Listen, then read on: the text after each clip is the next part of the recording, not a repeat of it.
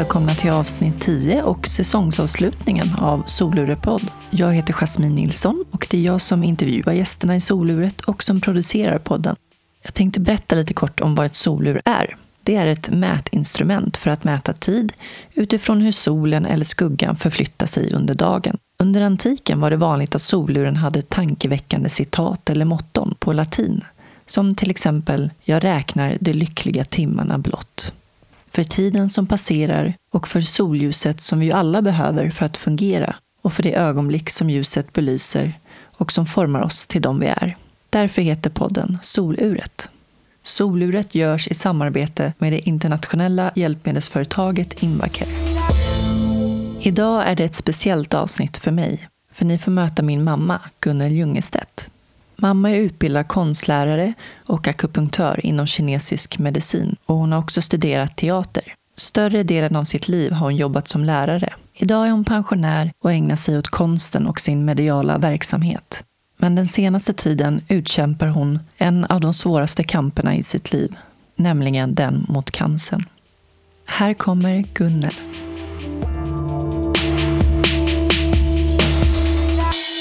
Säg någonting. Ja, vad ska jag säga då? Hej, hej. Hej, hej. Hur är läget? Ja, det är bra. Okej, det låter bra. Är den riktigt bra? Du hör bra nu? Mm. Mm. Känns det okej? Ja, bara inte rapar också. Det är ju en fördel. Nej, men man. Nej, det gick inte. Okej, Nej, men vi kör igång tycker jag. Nu är det egentligen du som ska säga välkommen, för nu är vi ju hemma hos dig mamma. Välkommen. Vi sitter här i eh, ditt vardagsrum, i ditt hus i Vingåker. Än så länge Vingåker. Än så länge. Vadå än så länge? Jag flyttar ju snart. Ja, men du kommer ju fortfarande bo i Vingåker. Ja, vi, Vingåkers kommun, men nära Hjälmaren. Stor skillnad. Det var lite fånigt för att klippa bort. Vi tar det från början. Ja. Du föddes 1947. Mm. Hur såg din familj ut då? Då var det mina föräldrar och så var det min eh, stora syster Sibyl som var fyra år. Och vi bodde i ett hus i Älvsjö. Och jag föddes på Södersjukhuset i Stockholm. Vad gjorde dina föräldrar? Min mamma tog eh, hand om oss barn och eh, min pappa studerade på kvällarna till eh, ingenjör och så jobbade han på spårvagn på dagarna. Han hade faktiskt också en eh, sjuksköterskeutbildning. Han var en av de första som examinerades ut i Uppsala. Det är ju coolt. Mm. Och jag vet inte varför han inte jobbade med det då, men han hade den examen. Strax efter att du föddes så insjuknade din stora syster Sibyl. Hon insjuknade ganska snabbt när jag var 18 månader. När de upptäckte att hon hade ett sår på knät som aldrig läkte. Då hittade man att hon hade sarkom, en eh, cancertumör som bara barn får i knät. Och gav henne inte så lång tid kvar att leva. Hur lång tid fick hon? Jag tror bara att hon fick något år. Men eh, hon levde faktiskt tre år till. Och vad berodde det på? Bland annat att mamma och jag och Sibyl flyttade ut till eh, en så kallad klok gumma. En eh, hushållslärarinna som odlade på ett mycket speciellt sätt och var känd för att kunna bota cancer och andra sjukdomar. Och faktum är att när vi bodde där så gick eh, Sibyls metastaser tillbaks i kroppen. Men eh, på den tiden fick föräldrarna inte bestämma.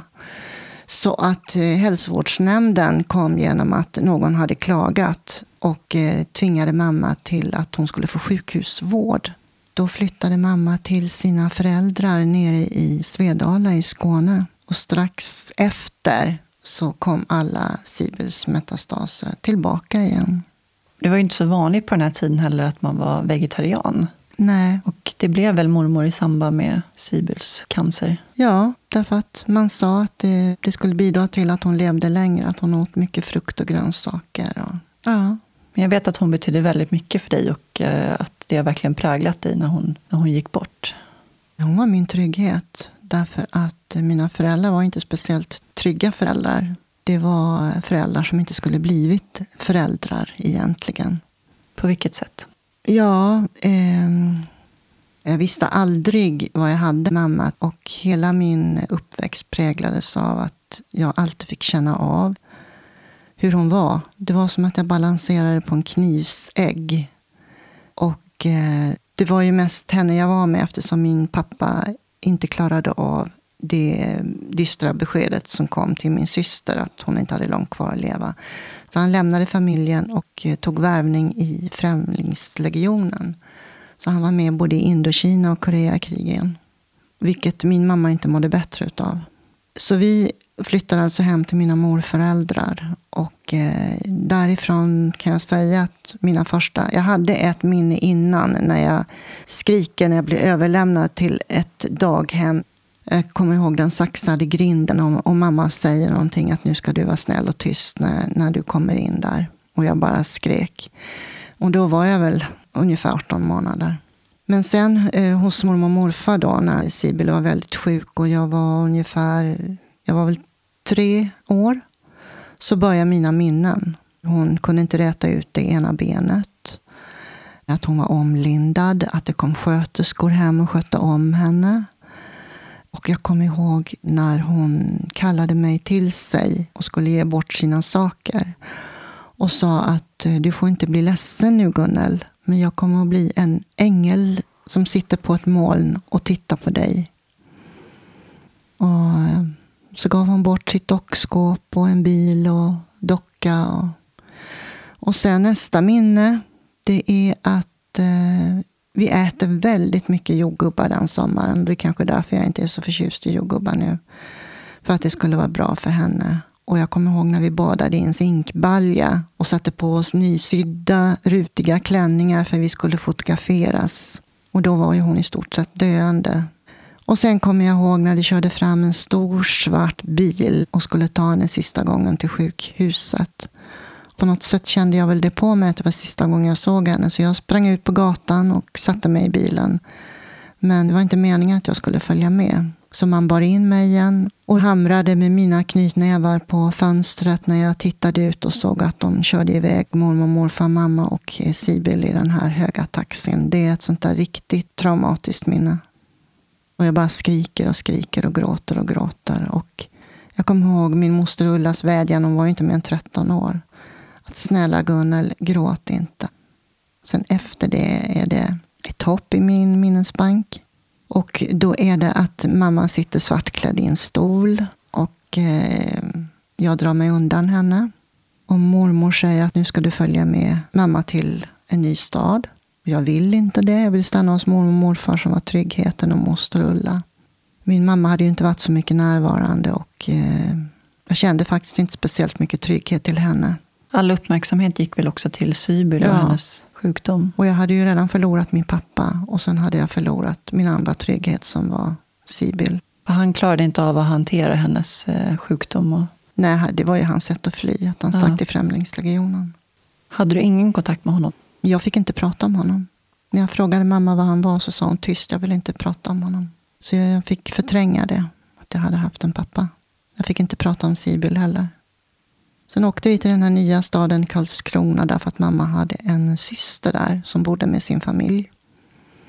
Och eh, min mamma blev eh, designer på ett barnklädesföretag som hette Rödluvan i Karlskrona. Hon designade alla barnkläder och eh, jag fick bära provexemplaren så jag hade alltid nya kläder på mig. På nätterna ibland så hittade jag min systers kläder i en eh, resväska. Och då gick jag upp och klädde ut mig i de kläderna när hon låg och sov, mamma. Och gick omkring i dem. Det var ett sätt för mig att komma nära henne. Mm. Sen hittade jag en grön stickad kappa som var lite liten till mig, men jag fick använda den på daghemmet. Det hade varit hennes kappa. Min mamma var väldigt obalanserad vid den här tiden. Hon var väldigt lite hemma. Det var många från den här barnklädesfirman, flickor som fick passa mig på kvällarna när min mamma var borta. Jag tror att tryggheten just då, det var det här äh, daghemmet. För det var väldigt snälla fröknar där. De gjorde alla saker för hand och målade och jag var väldigt intresserad av allt det där hantverket. Jag kände mig nära det. Man gav mig ganska mycket uppmärksamhet för man visste att jag hade förlorat min syster. Jag satt ju mycket för mig själv. Till exempel så fanns det en liten eh, hörna för dockor. Och det var bara jag som satt där inne och lekte. Då hittade man på att på fredagarna skulle jag kläs ut till prinsessa och gå omkring i hela det här daghemshuset som var tre våningar. Och eh, vandra omkring där med några tärnor. Och det var antagligen för att jag skulle få uppmärksamhet och lite bekräftelse. Kände du då att du fick den bekräftelsen? Jag fick lite bekräftelse, ja. Så att jag tyckte det var... Jag kände att jag blev sedd på det här daghemmet och började krypa fram lite från mitt skal. Och det var ju det de ville. Jag var ganska mycket ensam hemma fast jag var så liten. Jag var ju egentligen bara... Jag var tre och ett halvt när vi flyttade till den staden. Och jag började ganska så snart på det här daghemmet som jag försökte rymma ifrån hela tiden. Ibland rymde jag ner till källaren där barnvagnarna var och la mig i en barnvagn jag tror jag behövde regregera, liksom komma tillbaks. Allting var ju kaos för mig. Hela familjen splittrad och ny stad och nytt hem och en mamma som inte... Hon kunde väl inte heller hantera sin sorg? Nej, hon var inte mentalt närvarande och började även bli rädd för henne för att när vi var ensamma så fick hon utbrott ibland. Bland annat när jag lekte med mina saker kunde hon få ett utbrott. Och vid något tillfälle så tog hon Sibels docka, som var bland det bästa jag hade, och slängde den i golvet så huvudet sprack och skrek och gormade att hon orkar inte med det här och jag måste plocka upp alla saker. Alltså då var inte jag fyra år gammal. Det var då jag började försöka vara tyst och göra som hon sa och känna in. Det var som att hennes sorg och ilska gick ut över dig på något sätt. Ja. Att hon utagerade på dig. Hon hade faktiskt även varit mycket ilsken innan. Alltså hon hade utbrott även när min syster levde. Men det är så sorgliga saker så det behöver vi inte gå in på här. I alla fall så kände jag ingen trygghet i henne och en kväll så tar hon hem en man. Och eh, han säger, eh, får jag stanna här en stund? Nej, säger jag, du bor inte här. Jag är väl fyra år någonting. Och då börjar de säga, ja men han kan väl få stanna lite, ja en liten stund då. Och det var min nya styrpappa som senare skulle komma faktiskt att adoptera mig utan att min biologiska pappa hade en aning om detta. Och det där har jag fått höra mycket olika versioner om. Men eh, min pappa har senare sagt att han aldrig skulle gått med på det. Han hade olika förfinade sätt att göra, både skrämma mig och göra vissa övergrepp som inte syntes så mycket utåt. Och eh, skrämde upp mig med att jag fick inte säga någonting till mamma för då skulle han slå ihjäl mig. Vad menar du med förfinade övergrepp? Kan ja. ens ett övergrepp vara förfinat? Jag tänker att ett övergrepp Nej, är ett han övergrepp. han gjorde ju på ett sånt sätt att det inte skulle höras och synas. Mamma kunde vara i det andra rummet. Och hur mycket hon först fattade och förstod det, det vet jag inte. Vid något tillfälle så, så hade han mig över sig. Och, ja, han gjorde rörelser då, som man inte gör med ett barn. Hur gammal var du och Jag var mycket medveten om vad jag kände under mig. Då var jag väl en eh, fem, sex år. Men jag var mycket medveten om att det inte, att det inte var rätt. Jag kände det inom mig. Och när eh, mamma skrapade i stolen i stora rummet för att hon skulle resa sig upp, då flyger han upp så jag slår foten i, i köksbordet och gör mig ganska illa. Men jag sa ingenting för jag visste att det var fel det han gjorde och då skulle mamma undra varför jag grät. När jag blev äldre och mina bröst började växa ut när jag var 11-12 år så kunde han ta på dem och säga att de var som stekta ägg. Och eh, ibland reagerade mamma, ibland inte. Ibland sa hon, men Lasse gör inte så där. Det var nog enda gången jag har hört henne säga någonting om detta. Jag fick en lillebror som föddes när jag var sju år. Och eh, mycket kretsade då kring honom. Min mamma började arbeta och jag fick ta honom till dagis så liten jag själv var. Och han var, hade ADHD, så han var inte så lätt att handskas med. Så att få honom till dagis, det var en, eh, jag var helt slut när jag kom till skolan själv i första klass. Efter att ha tagit honom till dagis. Jag fick locka och pocka och tvinga och allt möjligt. För det var i alla fall en 20 minuter att gå till daghemmet. Så jag fick alldeles för tidigt ansvar. Och den här styrpappan jobbade vid eh, flottan som så kallad första högbåtsman och hade vissa psykotiska drag. Jag blev misshandlad. Ehm, jag vet ibland inte hur mycket jag ska berätta, för det är inga roliga saker. Men eh, jag kan ju säga så att den, en höll och den andra slog över min kropp med en mattpiska. Och när det blev för mycket märken så skrev mamma en lapp att jag fick inte vara med i gymnastiken för jag hostade på nätterna. För man ville inte att man skulle se mina märken på kroppen. Det som har tagit stryk av detta är mina njurar. Min ena njure är halv. Men det, det, var en del. Jag vill inte gå in på all misshandel, men det, det var... Jag var rädd. Jag var rädd för både min mamma och min styvpappa. Hela uppväxten? Hela uppväxten. Och först, jag menar, ditt liv börjar ju med att din stora syster insjuknar och får all uppmärksamhet. Och sen går all sorg och vrede och ilska ut över dig när hon har gått bort. Mm. Och sen kommer din lillebror till världen och så får han all uppmärksamhet. Mm. Så det finns ju liksom ingen... Jag fick ingen bekräftelse. Nej, jag fick, ingen, ingen kärlek, varken fysisk eller psykisk kärlek. Jag fick ingen omtanke, utan jag fick i stort sett ta hand om mig själv. Och gjorde jag det minsta fel så straffades jag på olika sätt. Jag kan bara ta en, en gång hittade jag inte hem. Då var jag sju år. Det hade börjat skymma ute. Och jag gick ner vid hamnen och eh, förstod att nu skulle jag komma för sent hem. Och då hittade jag en man som tydligen var någon vaktman där nere. Och sa att jag, jag ljög och sa att jag hittade inte hem för jag vågade inte gå hem själv. Och då följde han med mig hem för jag visste ju var jag bodde. Då öppnar de dörren och så säger han att hon vågar inte riktigt gå hem själv. Så fort han hade gått så slet de in mig och så började misshandeln. Alltså jag förstod inte ibland varför. Men eh, vad detta gjorde med mig, det var väl att det krympte mitt självförtroende någonting enormt. Jag trodde inte jag dög tillräckligt mycket. Det tog bort eh, jag, hade aldrig någon, jag var aldrig glad. Jag hade ingen lycka. Jag försökte le på alla kort när jag var liten, men jag var inte glad innerst inne. Och konstant så saknade jag min syster. Det fanns ingen vuxen runt omkring som reagerade, lärare eller De visste inte. Jag talade inte om eller... för någon. Jag talade inte om för någon hur Det var ingen det. som kunde se det heller? Jag tänkte det var ingen, den fysiska nej, nej, nej. Det, min mamma levde dubbelliv, hur hon var med mig och hemma och hur hon var utåt. Så att det var ingen som visste.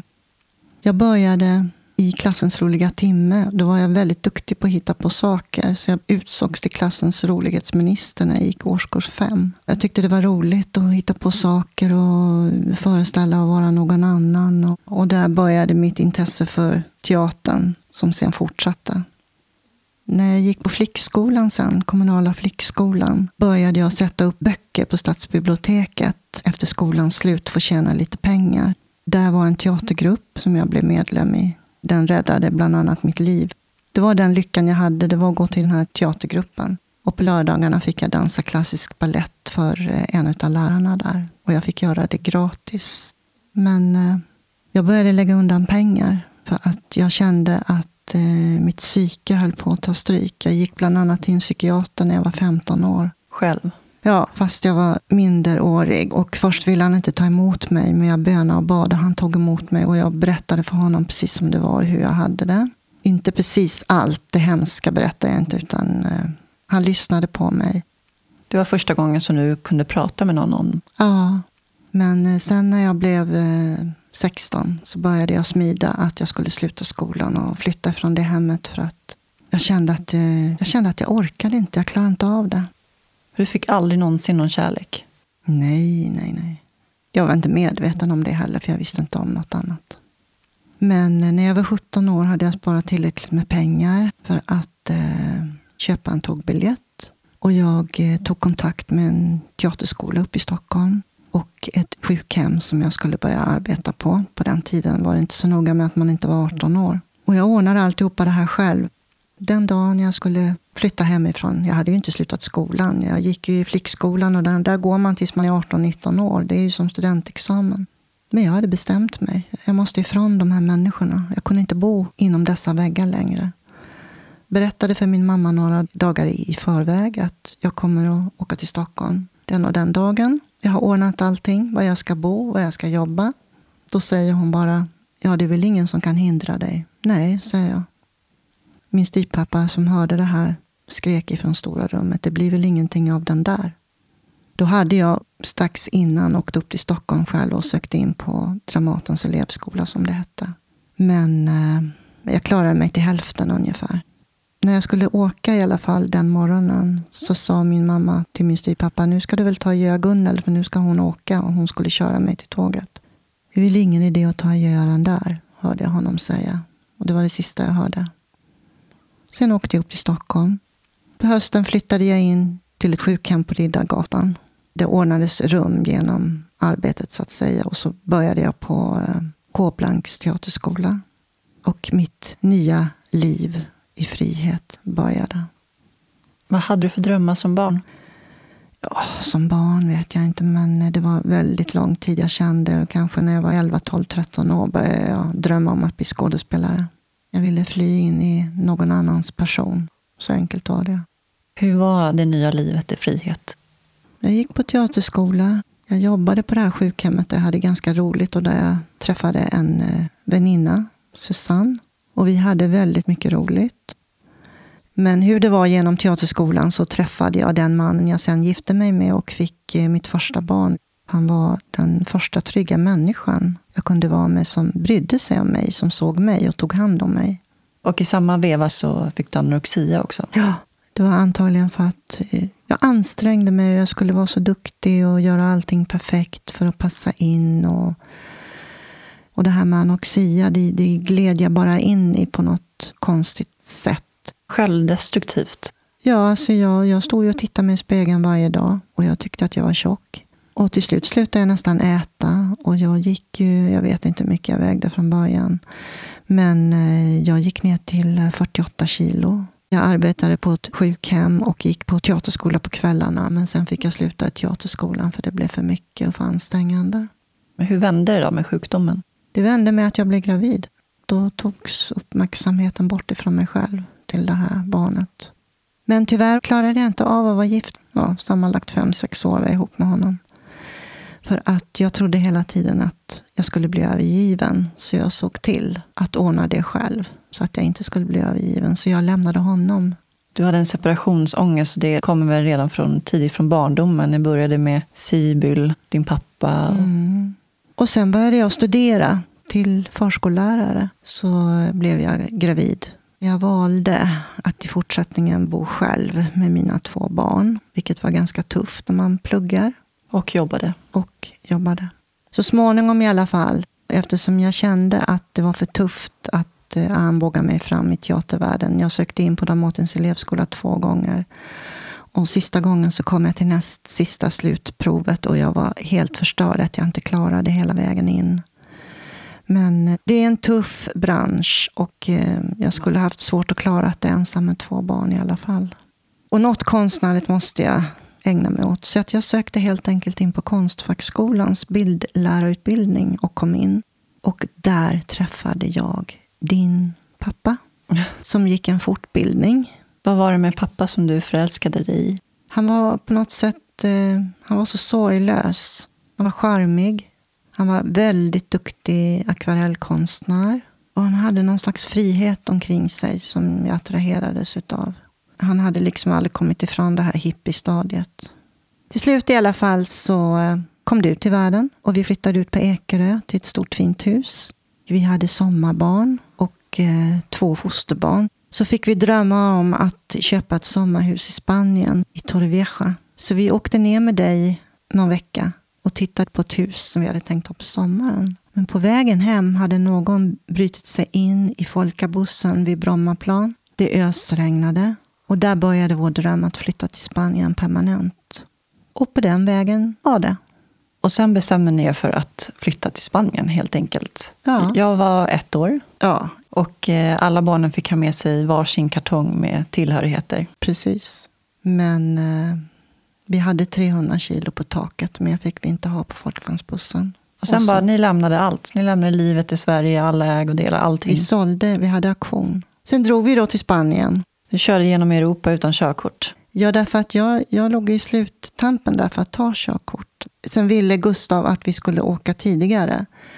Därför att han skulle bli... Eh, man gjorde sån här repmånad eller någonting. Man, man, eh, man blev inkallad när man var äldre på den tiden. Och han var ju vapenvägrare, så han ville inte det. Så att han ville vi skulle dra innan då skulle, han skulle bli polishämtad. Men eh, då hade vi sagt att jag skulle, i de städerna i Spanien och Frankrike skulle han köra och jag skulle köra de stora motorvägarna. Och att vi lärde oss skifta fram till vid ratten om vi skulle se polisbilar eller någonting. Så tränade vi på att skifta liksom medan vi var kvar i bilen. Så att det såg ut som att han skulle köra då. Vi tränade jättemycket på det en vecka innan. Va?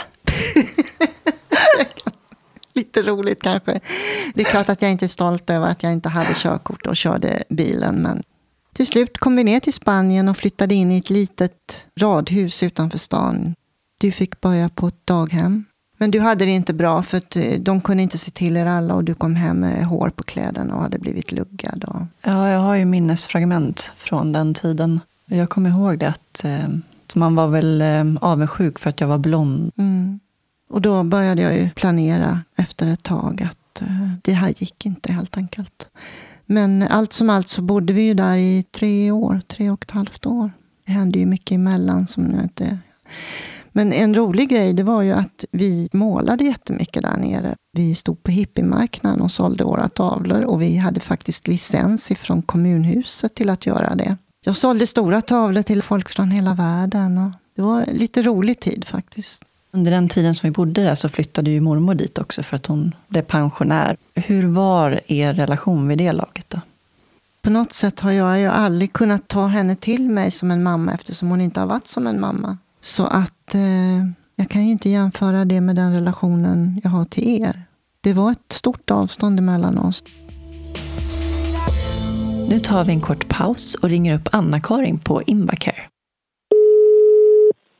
Invacare Anna-Karin. Hej Anna-Karin, det är Jasmin här. Hej Jasmin. Hur är läget med dig? Jo, det är bara bra. Det är så härligt att det är december nu och lite adventsmys och lite mer ljus och så jämfört med tråkiga november. Ja, man behöver det. Lite mysig tillvaro när det är så här mörkt. Ja, verkligen. Kan du berätta vad du gör för någonting på Invacare? Mm. Jag jobbar som eh, produktchef för våra vårdsängar och personlyftar. Jag är sjukgymnast i botten och har ganska många års erfarenhet från äldrevården och också valet av hur man använder olika hjälpmedel i vardagen både för att underlätta och för att aktivera användaren. Jag har jobbat här i ungefär ett år, så jag är ganska ny. Jag kommer nog vara ny länge, för mina kollegor har varit här, de allra flesta, väldigt länge. Det tycker jag är jättebra. Då får man ju en bättre insikt i era produkter framför allt. Ja, precis. Och sen en viktig del i jobbet också som produktchef, det är ju att ha nära dialog och förstå både Invacars kunder och användare. För att sen kunna bidra till utveckling av nya hjälpmedel som tillgodoser behoven kanske ännu bättre och möjliggör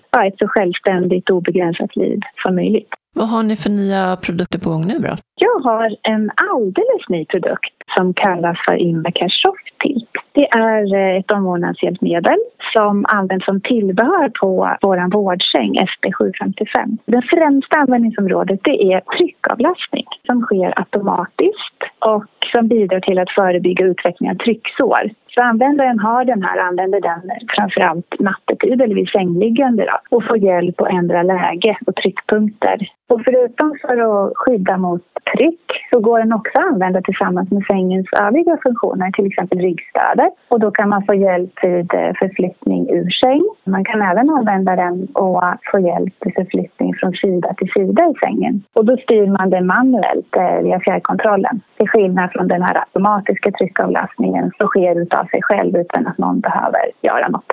Ja, men vad bra. Vad ska du göra till jul här då? Ska vara hemma. Så att, eh, jag håller på och piffar och pyntar och grejer lite. Jag älskar att hålla på med jultomtar och julgrupper och, och så. Ja, det låter mysigt. Ni får ha en riktigt god jul. Ja, tack så mycket. Och detsamma. Hej då! Hej då! Livet i Spanien kunde inte fortsätta. Och hur tänkte du inför det här nya livet då, tillbaks i Sverige? Jag eh, påbörjade en kinesisk medicinutbildning med akupunktur bland annat, som var väldigt intressant. Och sen arbetade jag vid sidan om. Dels arbetade jag på hemtjänst och sen jobbade jag som föreståndare på dagis. Och ja, jag körde mig nästan i botten som vanligt. Jag skulle göra så mycket och klara av så mycket och visa mig själv att jag kunde. Och få bekräftelse också. Mm. Det kände ju jag också under min uppväxt. att eh, Under några år där när du dels gick på utbildning och du mm. jobbade natt och Ja, jag kommer ihåg ibland fick jag följa med dig Mm. eh, när du jobbade nattskift på äldreboende. Fick jag ligga där i soffan och Mm. sova lite. Du var ju ganska frånvarande där, plus Mm. att du fick högt blodtryck och du fick alltid ont i huvudet. Mm. Men eh, det, det var i den perioden när jag gick på två högskolor samtidigt. Både den, då hade jag ju kommit in på Konstfack men inte gjort klart den kinesiska medicinutbildningen. Så jag gick ju en termin bägge utbildningarna plus att jag jobbade på natten. Det är inte så konstigt att man får högt blodtryck. Nej. Jag vet inte om det är någonting jag fått efter dig, sådär att det var viktigt för mig att prestera och vara Mm. duktig. Du propsade hela tiden på att det var viktigt att jag fick bra betyg i skolan. Mm. För att om, om någonting skulle hända så är det viktigt att ha något att luta sig tillbaka på. Mm. Till slut så landade du någonstans i att eh, bli lärare. Ja, jag var ju färdig bildlärare från Konstfack. Din roll som lärare kom ju att betyda mycket för dig. Att du kände att du hade hittat det du ville göra. Mm. Men problemet var ju då att du engagerade dig så otroligt mycket i Ja, därför att det var ett ganska tufft område att arbeta i. Jag hade ju en elev som blev eh, skjuten av sin styvpappa bland annat. Och det där, jag hade ju varit väldigt involverad i den familjen och jobbat för den här pojken. Men, eh, men det tog på mig och med detta liksom bakom mig och sen att du råkar illa ut, det var ju för mycket. Så att då gick jag ju i väggen. Det var ju sommaren 99 och jag hade ju kommit in på dansgymnasium också Mm. och eh, åkte ner till Spanien med min eh, kompis Matilda. Och vi skulle bo hos mormor. Och sen kom du och eh, din väninna Barbro Mm. dagen efter. Och det var tredje dagen som olyckan inträffade. Hej Ja. gumman. Jag ska bara säga att om ni hör lite tassande här i bakgrunden så är det min hund Saga som låter. Olyckan inträffade den tredje dagen, dagen efter som du och Barbro hade kommit ner. Ja. Vad kommer du ihåg från den dagen? Och den minns jag som det vore igår. Från den dagen kommer jag ihåg att eh, du och Matilda skulle gå ner och ta ett snabbdopp. Och eh, vi skulle laga lunch till alla, Barbro och jag. Sen helt plötsligt hör jag ambulansen. Och på något märkligt sätt känner jag något obehag. Och känner in att det kan ha med dig att göra. Det var ju fullt med människor utanför där vid havet. Plötsligt så ringer det på dörren. Och då står det en norrman utanför. Som eh, säger att det har hänt en olycka. Och att ambulansen har kört dig till ett sjukhus utanför staden. Och jag får en lapp av honom där han skriver upp sjukhusets namn. Och jag bara känner att det här är allvarligt. Då tänker jag på eh, Rubens pappa som bodde längre bort. Så jag bara rusar ut och springer över torget. Springer hem till dem, knackar på dörren. Men han är inte där, men hans fru är där. Och så säger jag till henne hysteriskt, skriker jag osammanhängande genom fönstret att du är på sjukhus och vi måste åka dit. Och då reagerar hon och springer till sin granne som har bil. Och eh, hon och jag och grannen kör till det här sjukhuset utanför staden. Som då säger att de har skickat dig vidare till universitetssjukhuset i Alicante. Och vi åker dit och jag mår jättedåligt för jag känner att det är allvarligt. Och jag tänker ju på din dans och allting, att du får inte ha skadat dig. Men samtidigt känner jag in att du har gjort det. Och eh, när vi kommer fram till universitetssjukhuset så möts vi av läkare som visar in mig i ett rum. Och där är det tre läkare som ska prata med mig. Och jag kunde ju prata spanska och förstod bra spanska. Men när de började förklara vad som hade hänt så jag, jag hör liksom inte vad de säger, utan bara tittar på dem.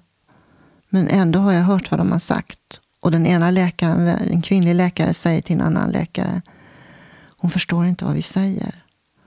Och då skriker jag att jag förstår visst vad ni säger och frågar kommer du aldrig kunna gå? Nej, säger de. Hon kommer aldrig kunna gå. Och jag blir alldeles hysterisk och gråter. Och, och sen fick vi ju träffa dig då. Då hade de, skulle de börja klippa bort ditt långa hår men hade slutat. För de eh, skulle sätta någon järngrej runt ditt huvud för att eh, det skulle vara stilla. Med järntyngder längst bak. Det var fruktansvärt. Du det var blodigt på pannan. Och det kändes som med, gå in i medeltiden faktiskt. Nej, det var en hemsk tid. Vi var ju där en vecka och det var mycket telefonringande till Försäkringskassan här i Sverige. Och mycket med tidningarna. Och eh, Matildas mamma hade ju ringt Aftonbladet och eh, helt plötsligt kom det journalister. Och, Vi hade inte en försäkring som täckte sådana här svåra Nej. olycksfall utomlands. Vi hade inte råd med ett ambulansflyg helt Nej. enkelt. när jag ringde ambassaden i, Alicante så svarade de aldrig, fast jag talade in meddelandet. Men eh, då så sa ju Kerstin Inde, på Frösunda att han skulle betala din resa. Han startade Frösunda Center som idag heter Ja. Rehabstation Stockholm. Och likaså den eh, privata musikskolan jag jobbade på sa att de också skulle samla in pengar. Så på något sätt kom du hem genom ambulansflyg. Och du var på första sidans löpsedlar. Jasmin, 15 år, förlamad. Det måste ha varit en sån overklig bubbla för er. Det var hemskt. Det var fruktansvärt. Blev du erbjuden någon hjälp att hantera situationen? Nej, det fanns inte någon hjälp. Det fanns ingen psykolog på sjukhuset. Det fanns en kurator som var väldigt bra. Som jag gick några gånger till. Jag har ju ett väldigt starkt minne av när eh, du och neurologen kom in på rummet. Några dagar efter att jag hade kommit till Karolinska sjukhuset och låg i ett isolerat rum. Och ni skulle förklara för mig vad som hade hänt. Hur gick tankarna då när du visste att eh, nu skulle jag få veta hur allvarligt skadad jag var? Jag, jag var ju bara i chock hela tiden. Det var, jätte, det var bara som en stor smärta. Det var som att man var i ett stort sår. Hela tiden, dygnet om. Jag kunde inte sova, ingenting. Jag fick ta sömntabletter för att kunna sova. Och jag fick ju bo på sjukhuset första tiden. Nej, det var jättejobbigt faktiskt. Jag tänkte ju på dig och jag tänkte på din dans. Och, och du ville ju inte leva.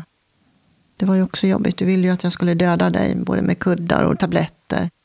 Du ville i alla fall att jag skulle ta en kudde och kväva dig och allt vad det var. Så var det en natt när jag var så nere också och tänkte att nej, men nu gör jag det. Nu tar jag livet av oss. Jag fick ju sömntabletter. Jag sparade dem. Och så tänkte jag ordentligt hela natten. Och kom fram till att om jag skulle göra det så skulle hela familjen bli drabbad. Och jätteledsna. Och Louise pojkar. Som hade upplevt, i alla fall de två äldsta, att du kunde gå. Och eh, när alla skulle bli för ledsna. Det fanns ju fler att tänka på. Och då bestämde jag mig för att vi skulle klara det här. Och då kom jag ju tillbaka till sjukhuset till och sa att nu har jag tänkt på det här. Och eh, det här ska vi klara. Och då på något sätt vände det i dig också. Då började din kamp liksom. Och snart kommer jag börja gråta. Ah, Och då började du träna och sjukgymnastik. Men du började kämpa själv då i alla fall. När jag hade vänt.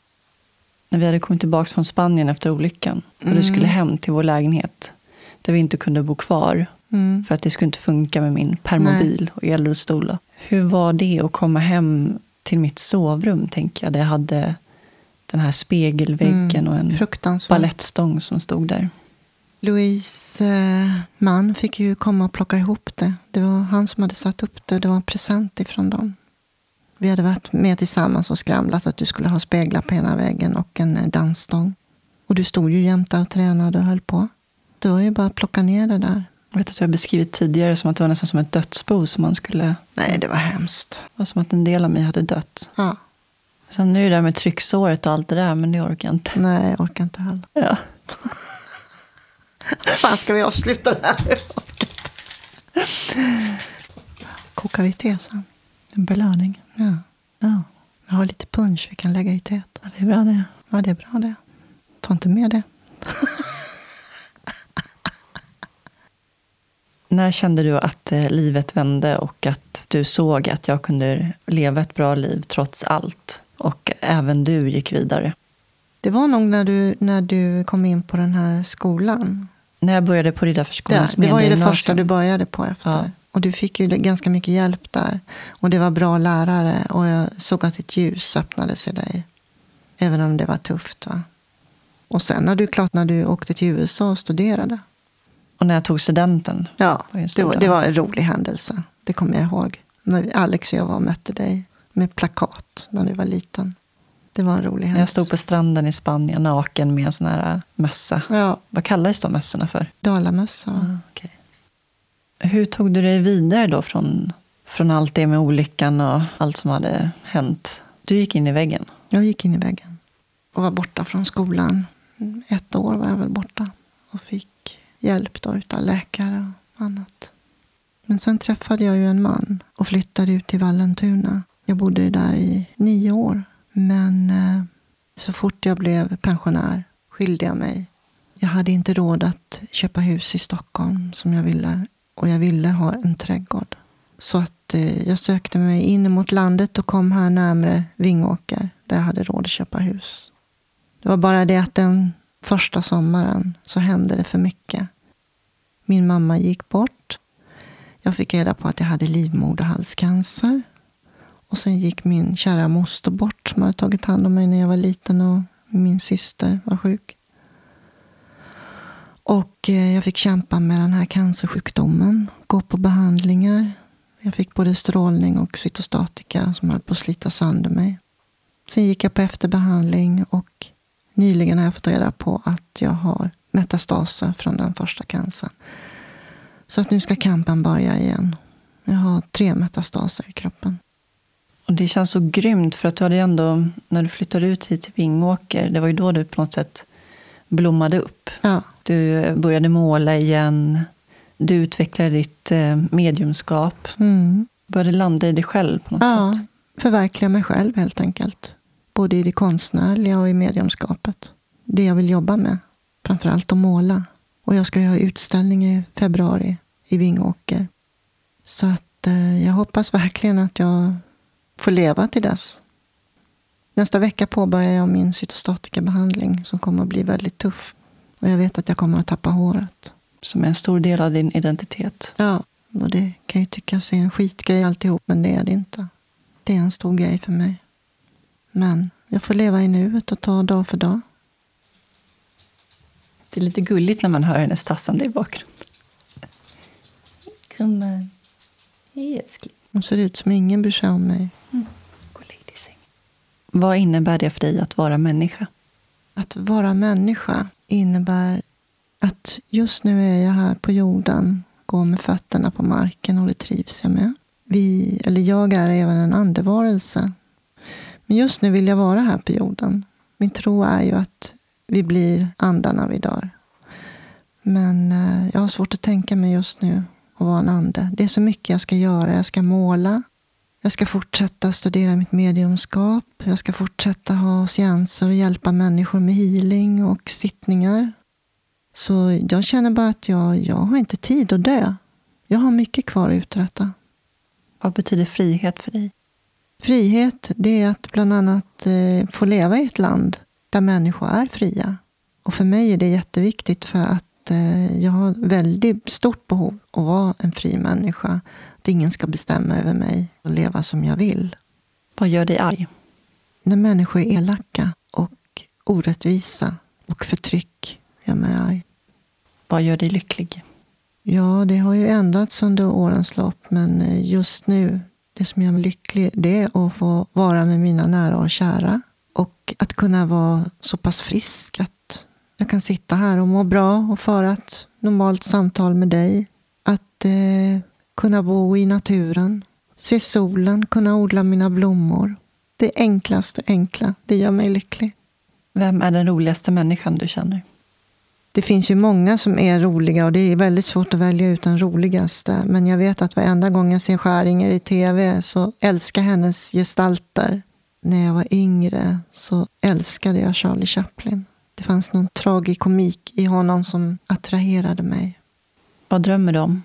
Jag drömmer om att bli frisk så att eh, jag kan måla många tavlor och eh, ta emot många människor som behöver min hjälp i healing. Men eh, framför allt att måla och umgås med min familj. Att vara frisk är det viktigaste. Vad har eh, sjukdomen gjort med dig? Den har väl ändrat perspektiven på en del saker. Bland annat tror jag att jag har blivit mer ödmjuk till eh, människor och till livet och vad lycka egentligen är. Det som är väldigt viktigt för mig det är ju faktiskt att mina barn är lyckliga och har det bra. Så även mina barnbarn. Relationen till din pappa? Mm. Ni tog väl upp kontakten senare i livet? Ja, från det jag var 14, då jag själv tog upp kontakten med honom. Men sen fick ju min mamma reda på det, vilket inte accepterades. Men sen tog jag kontakt med honom när jag sökte in på eh, Dramatens elevskola, som det hette då. Men eh, det fanns ju en avgrund mellan oss. Jag kände inte honom. Men han kom på födelsedagar och när ni fyllde år kom han. Och jag kommer ihåg att jag hade en morfar. Jag fick en relation till honom. Ja, Men det kändes ändå som att ni hade knutit an innan han dog. Ja, jag eh, kom ju till sjukhuset varje dag när han låg där efter sin hjärtoperation. Och jag var med när han dog. Men jag är glad att jag var med honom. Precis som jag var med mormor. Jag kände att jag ville sträcka mig mer än vad mina föräldrar hade gjort mot mig. Och det kändes ju som att du på något sätt förlät henne. Ja, jag hoppas i alla fall att jag någon gång gör det. För att varje gång jag tror att jag har gjort det så upptäcker jag att jag har mycket kvar. Men jag vet att jag måste förlåta min mamma för, eh, och min pappa för eh, min egen skull. Att jag inte ska bära det där paketet längre. Så jag, jag jobbar på det. Nu kör vi snabba standardfrågor här. Okej. Kaffe eller te? Te. Bok eller film? Bok. Kött eller grönsaker? Grönsaker. Se eller höra? Se. Heavy metal eller jazz? Jazz. Ljus eller mörker? Ljus. Fort eller långsamt? Fort. Ja, du är verkligen fort mamma. Vädur. Den här kvinnan, det är en av de mest rastlösa kvinnorna jag känner. Alltså. Men nu har jag suttit still. Men jag ser ju att det kliar sig. Ja, ja. Vi är färdiga snart. jag måste sätta på te. Okej, sista. Lyssna eller prata? Prata. Hur känns det mamma? Nej, men det känns bra. Skönt att det är gjort. Så jag får röra på mig igen. Tack mamma för att du delade med dig av din livshistoria. Ja, det var så lite. Tack Lite själv. av den i alla fall. Ja, lite av den. Och så önskar vi dig lycka till med behandlingen. Ja, tack. Och fuck cancer. Just det, fuck cancer. Nu sätter vi på te. Ja, nu sätter jag på te. Hej då! Hej då. Nu ska vi ringa mamma och höra hur det har gått med cytostatikabehandlingen. Ja, hej det är Gunnel. Hej mamma! Hej. Hur är läget med dig? Jo, men det, det är ganska bra. Ja, nu är ju lyssnarna nyfikna på hur det har gått för dig med din behandling. Så du kan väl eh, berätta lite om det? Jag har precis fått ett positivt besked att eh, all cancer är borta ifrån min kropp. Och jag, jag har lite svårt att ta in det fortfarande.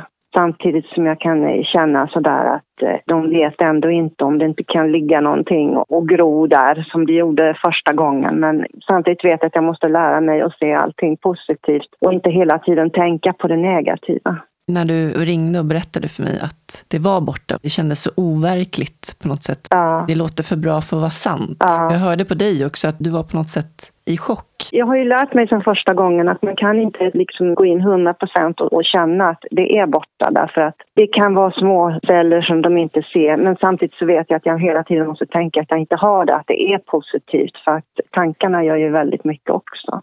Det kommer jag ihåg efter första behandlingen där så tänkte du ju mycket på det, alltså minsta lilla knöl eller du kände någon Ja. förändring i kroppen. Så Ja. fanns oron hela tiden där. Och det tar ju fem år som man ska gå på kontroller innan man riktigt kanske kan ta in att nu har jag ingenting. Du pratade ju i intervjun om att eh, du bävade för att förlora ditt hår, för att det är en så stor del av din identitet. Hur var känslorna kring det? En stor del av min identitet sitter i mitt långa hår. Och jag har fortfarande svårt att ta in att jag inte har ett hårstrå på huvudet. Vilket också isolerar mig lite för jag vill gärna inte träffa människor och jag skyler mig ofta med skarvstrå. Jag har inte använt den där fula peruken. Plus det här att magen funkar inte och ingenting. Man måste planera innan man ska någonstans. Så att, eh, alltså det, det bara gäller att överleva hela tiden. Jag tänker om det är någon där ute nu som har en närstående som har drabbats av cancer. Mm. Hur ska man förhålla sig och eh, vad vill du ge för tips och råd kring det? Alltså innan jag hade fått reda på att jag hade fått dottertumören i våras så hade jag bestämt mig för att flytta närmare till eh, Hjälmaren eftersom eh, vatten betyder väldigt mycket för mig. Sen fick jag en ny granne som hörde av sig sådär, bara hon kunde skicka sms, liksom hur är det idag? Eller bara komma och ringa på dörren, hämta min post utan att ställa krav på att varför hör du inte av dig, jag har inte sett dig på länge utan bara lät mig vara som jag var och frågade om jag orkade prata. Och det var ganska skönt. Sen hade jag en för två år sedan, då första omgången cancer, som ställde krav på mig när jag skulle ringa och varför jag inte hörde av mig tillräckligt ofta och skällde ut mig i telefonen. Och henne bröt jag med.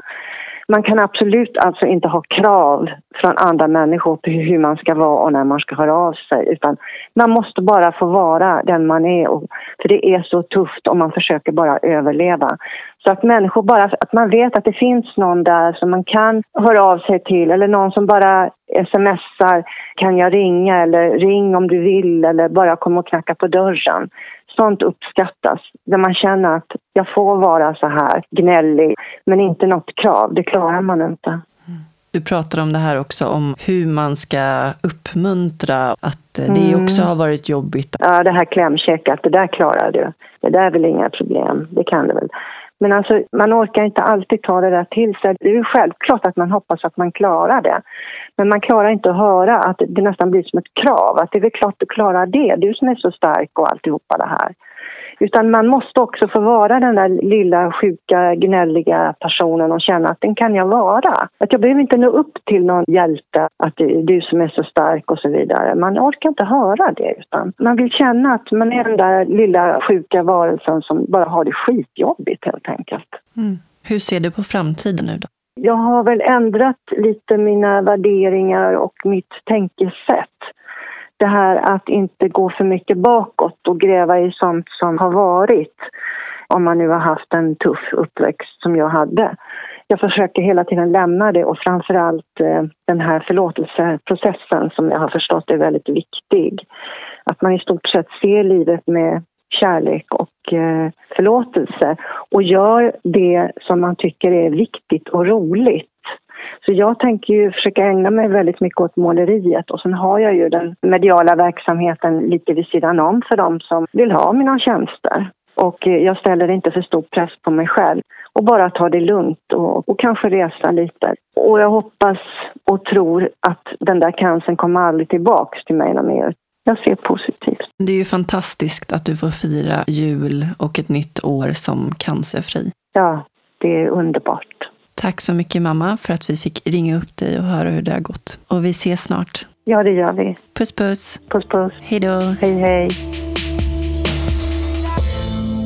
Jag är så otroligt tacksam över att cancern är borta och att jag får mer tid med mamma. Som mamma sa själv, det är verkligen ett lotteri om vem som klarar sig. Många drabbas av cancer och de flesta känner någon närstående som också har drabbats. Jag har köpt rislyktor på cancerfonden.se för att stödja Cancerfonden. De ska mamma, min man och jag tända på nyårsafton och släppa iväg över sjön hos mamma. Om ni är intresserade av mammas tjänster i egenskap som medium och healer kan du gå in på hennes hemsida mediumhealer.se. Tack vare min samarbetspartner Invacare kommer en andra säsong av Soluret. Följ Soluret på Facebook och Instagram och prenumerera på Soluret i er podcast-app. Mer information om Invacare och deras produkter hittar ni på invacare.se. Med tanke på dagens gäst avslutar jag med ett citat av Frida Kahlo.